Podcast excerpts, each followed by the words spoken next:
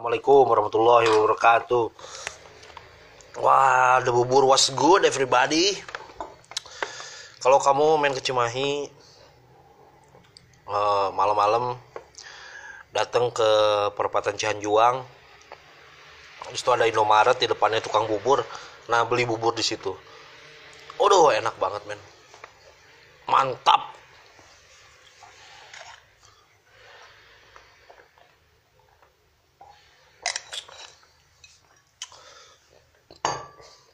Ah.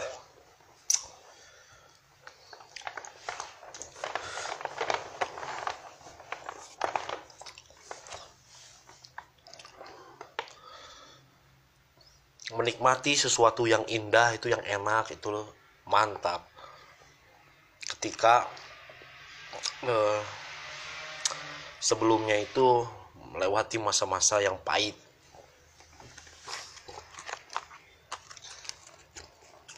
masa-masa yang pahit itu adalah seperti mempelajari file.htaccess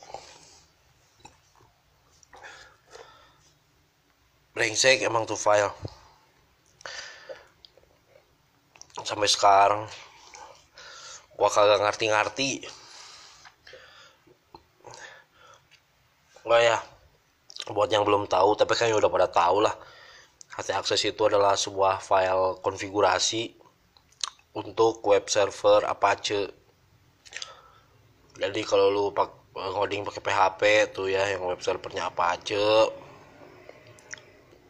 bisa tuh pakai HT Access buat konfigurasi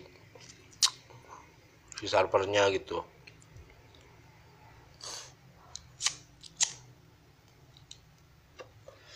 Kalau mau belajar bisa masuk ke www.htaccess guide.com htaccess-guide.com situ lumayan udah lengkap. Tapi lu harus bukanya di PC atau di laptop. Soalnya webnya nggak responsif. Kacau. Buka di handphone saya nih yang layarnya kecil begini. Susah bacanya harus di zoom di zoom waduh.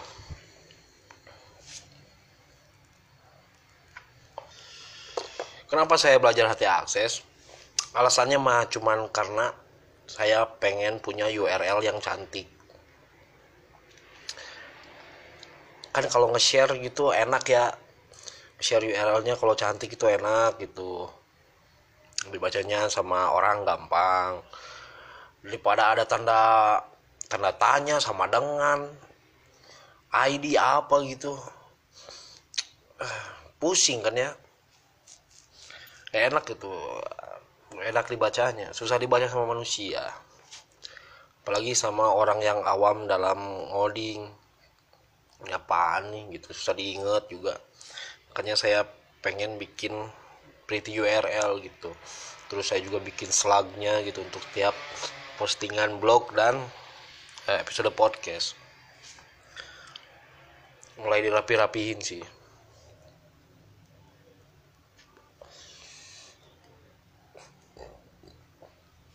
Mungkin tengah bulan lah ya bisa dinikmati anugerah.club dengan tampilan dan mesin yang baru anjir. Ya mudah-mudahan aja. Uh, alhamdulillah nih ketika lagi mencoba memahami apa itu HT akses ya. Mencoba memahami request file name dan minus D minus F tanda seru apalah gitu bintang eh, tanda lancip ke atas wah dolar wah begitu begitu. Eh ternyata Aizwan mengeluarkan single baru bagi yang nggak tahu Aizwan itu adalah salah satu apa ya girl band girl band Korea yang suka K-pop pasti tahu lah Aizwan ya. Keluarkan single terbaru dengan video klipnya gitu. Judulnya Violeta lagunya sih kalau kata saya masih eh, enak lagunya enak. Cuman masih kalah sama eh, single debut mereka yang Vie en Rose gitu. Eh, malah masih enakan yang single debut mereka yang di Jepang gitu. Suki no Iwasetai. Enakan yang itu sih. Ini yang katanya nggak suka Korea ini apaan punya cari Aizwan nah ketika saya lagi pusing belajar HT Access Aizwan ngeluarin single ada video klipnya saya nonton kan penasaran. Waduh terus ketika seperti gurun Sahara yang bertahun-tahun tidak kena hujan langsung diguyur hujan karena ada Kim Minju di sana. Kim Minju itu ya kalau itu yang paling cantik di Aizwan Kim Minju tuh. Cari dah Kim Minju. Emang Kim Minju itu aduh idola saya. Mantap. Hmm. jadi rasanya seger aja gitu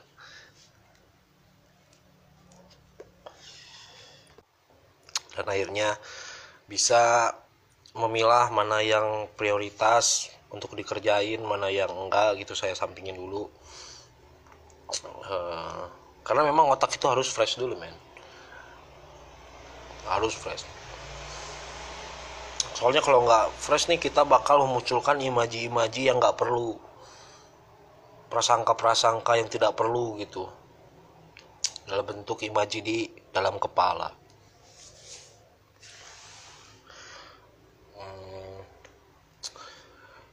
terus saya juga refleksi sih dari anugerah.club yang sekarang nih kalau kalian mau ngakses anugerah.club yang sekarang itu tampilan aduh buruk. Buruk. Makanya mau saya rada bagusin dikit. Uh, terus kalau dulu nih kalau masuk uh, link kontak di situ ada kontak buat form yang bisa ngirim email langsung ke email saya gitu. Itu pakai PHP lah pastinya ya Eh, kalau dulu kan lagi ini ya lagi semangat itu belajar ngoding. Jadi segalanya harus dikodingin gitu. Jadi saya pengennya dari anugerah.club itu dari website pribadi saya uh, bisa ngirim email gitu. Dan saya bikin berhasil tapi nya nggak pakai security apa pun nggak pakai apa cap-cap apa gitu kayak gitu-gitu. Maka akhirnya uh, berdatangan spam.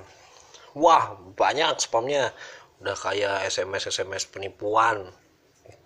Banyak. Gedek tuh saya tiap hari nerima email spam email spam. Waduh akhirnya saya hapus si formnya gitu. Dasar. Ya kacau nih. Banyak spam tapi uniknya ya alhamdulillahnya ada ada orang beneran itu yang email ke saya. Nggak banyak sih cuman berapa ya? Dua apa tiga gitu lupa ya.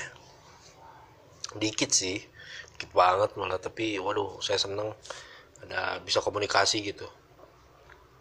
Balas-balasan walaupun nggak lama beberapa gitu. Uh, terus saya saya screenshot sih. Buat disimpan aja arsip arsip ngoding arsip coding feedback. Gitu. Uh, mereka yang ngirim email ke saya juga sama-sama masih belajar sama-sama pemula gitu. Jadi ya senang aja. Ketemu pemula yang lainnya di dunia maya. Menyenangkan sih jadi memang benar ya. Liverpool itu benar. You'll never code alone itu benar. Coding nggak pernah sendiri ya. Ada berjuta-juta orang di luar sana yang ngoding dan terhubung dengan internet.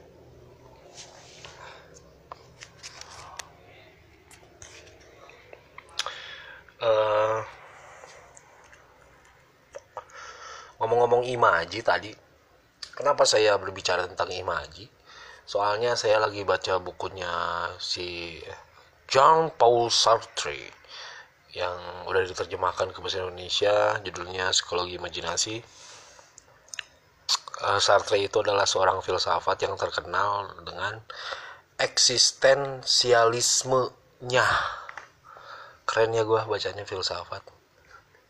Sebenarnya itu buku saya udah punya lama, cuman dulu saya baca saya beli buat keren-kerenan aja gitu. Ji bacanya filsafat. Terus ya terpengaruh sama teman-teman yang lain juga sih pada bacanya kayak gitu. Saya coba ikut-ikutan. Uh, dan ternyata kagak ngerti. Uh, bacanya baru halaman-halaman awal udah nyerah nggak ngerti.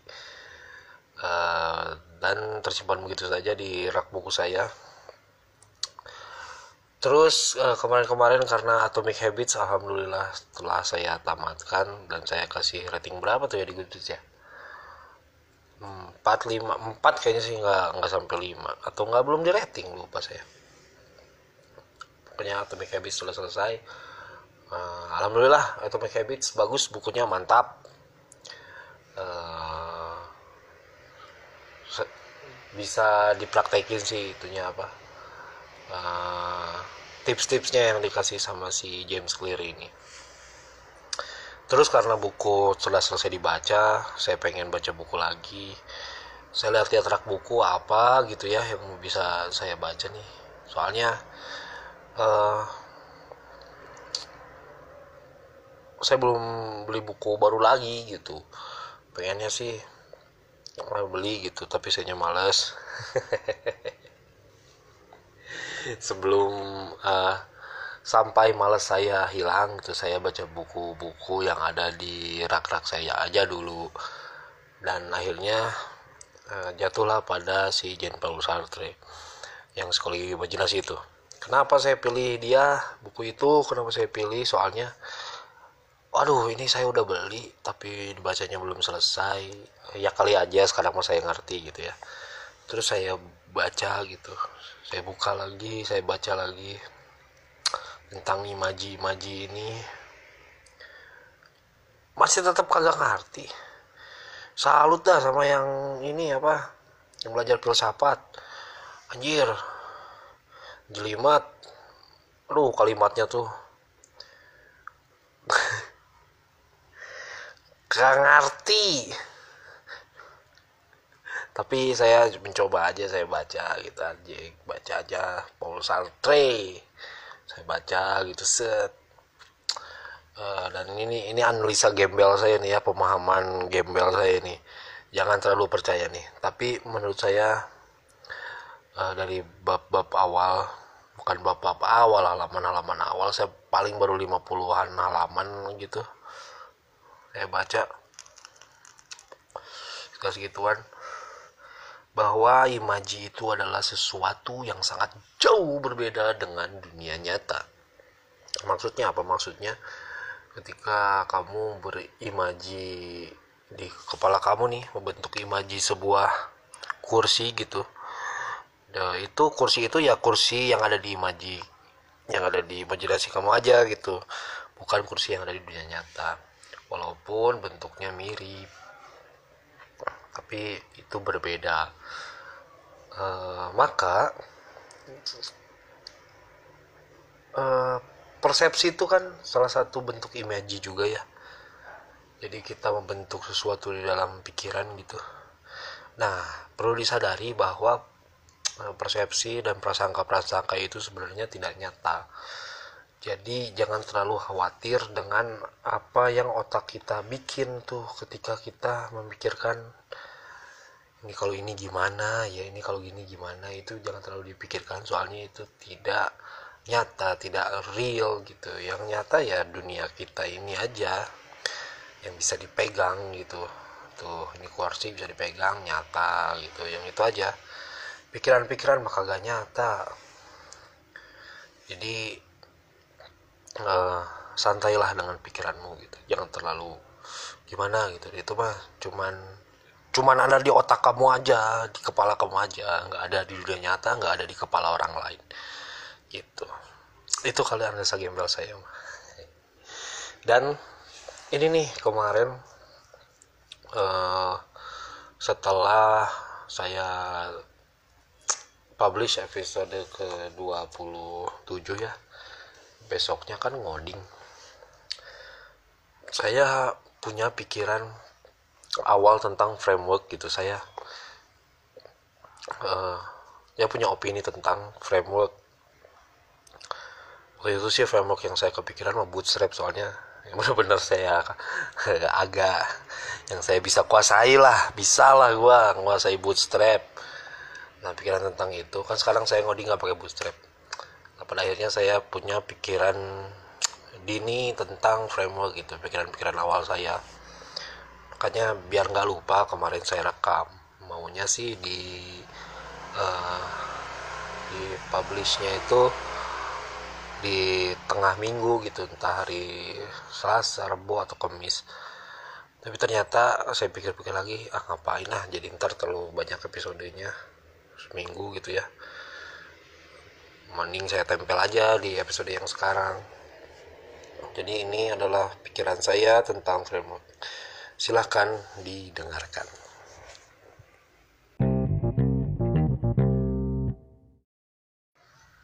Oke okay, everybody, ini singkat aja.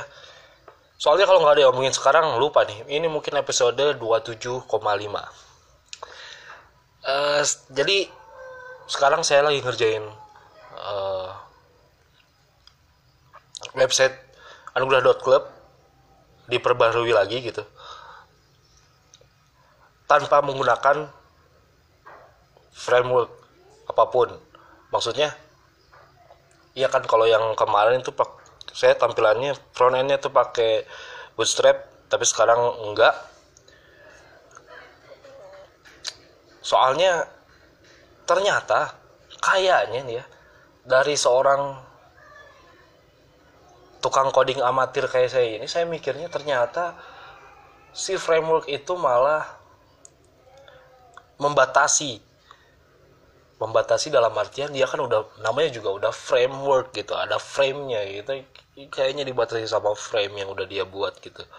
Ya mungkin kalau bekerja dengan tim biar yang lainnya uh, ikut koridor oke okay lah pakai framework gitu. Tapi karena saya sekarang kerja sendirian I don't need a frame man. Uh, gua nggak butuh framework gitu kayaknya ya. Ini frameworknya framework cetek bootstrap. Belum framework backend like code igniter laravel and yang lain-lain gitu. Tapi saya jadi berfilosofi sedikit. Ini takutnya lupa nih kalau nggak direkam sekarang. Gue lebih bebas nih ngedesainnya gitu tanpa framework. Kalau dulu kan ngedesain tanpa framework tapi desainnya jelek gitu. Ya sekarang juga nggak bagus-bagus amat tapi lumayan. Tapi enaknya itu bebas gitu saya. Anjing saya emang programmer HTML CSS bro. Saya memang suka kedua uh, hal itu gitu HTML CSS harusnya sih JavaScript juga ya. Tapi JavaScript saya masih pusing but ya itu tadi jadi tapi saya jadi bebas gitu ngatur ngaturnya. Gimana saya gitu. Rumah aing weh. Kebebasan itu yang saya pengen dan ternyata itu saya dapat tanpa menggunakan framework untuk sekarang ya. Uh,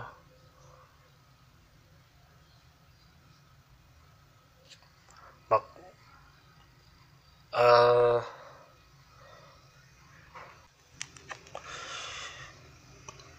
selama saya belajar ngoding gitu akhir-akhir ini pakai framework itu nggak nggak salah nggak ada salahnya sama sekali. Kalau ingin cepat ingin kerjaan segera beres pakailah framework gitu itu gampang. Uh, tapi kalau pengen dapat kebebasan pengen dapat uh, ya pengen eksplorasi yang edan-edan gitu. Pengen mengekspresikan diri yang lebih yang gak usah pakai framework hajar aja. Ya tapi pastinya effortnya itu bakal lebih ya. Ya iyalah framework udah nyediain framenya buat lu. Udah nyiapin semuanya buat lu lu tinggal pasang kayak main Lego. Tapi kalau dibikin dari awal sendiri ya effortnya tentu harus lebih. Tapi itu yang yang enakan itu itu. Begitu coy. Ini sih. Mungkin itu juga kali ya karena apa? Si Rasmus Ledrov yang bikin PHP itu bilang kalau uh, semua framework PHP itu suck gitu. They all suck. Dia bilang kayak gitu. Karena banyak banyak hal yang gak penting di framework itu yang kita nggak butuh sebenarnya tapi ada di framework itu. Ya gue ngerasain ini sekarang nggak pakai bootstrap kemarin pakai bootstrap ternyata lebih bebas gitu kalau bootstrap. Ah ya mungkin bisa di custom juga I don't know man but ya kembalikan ke definisi asalnya aja framework gitu. Bingkai kerja. Sekarang gue lagi nggak butuh bingkai. Saya pengen bebas dulu gitu. Gitu aja mungkin ya. So ini cuman opini dari saya seorang programmer amatir super duper amatir yang lagi semangat bikin yang lagi semangat belajar coding. Uh, correct me if I'm wrong. Please please please uh, correct me kalau saya salah tolong kasih tahu. So thank you. Ciao.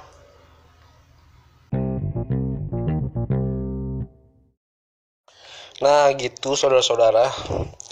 Pikiran awal saya doang itu mah mungkin nanti bisa berubah kali ya. Di masa depan entahlah. So thank you. Sampai jumpa di episode selanjutnya. Ciao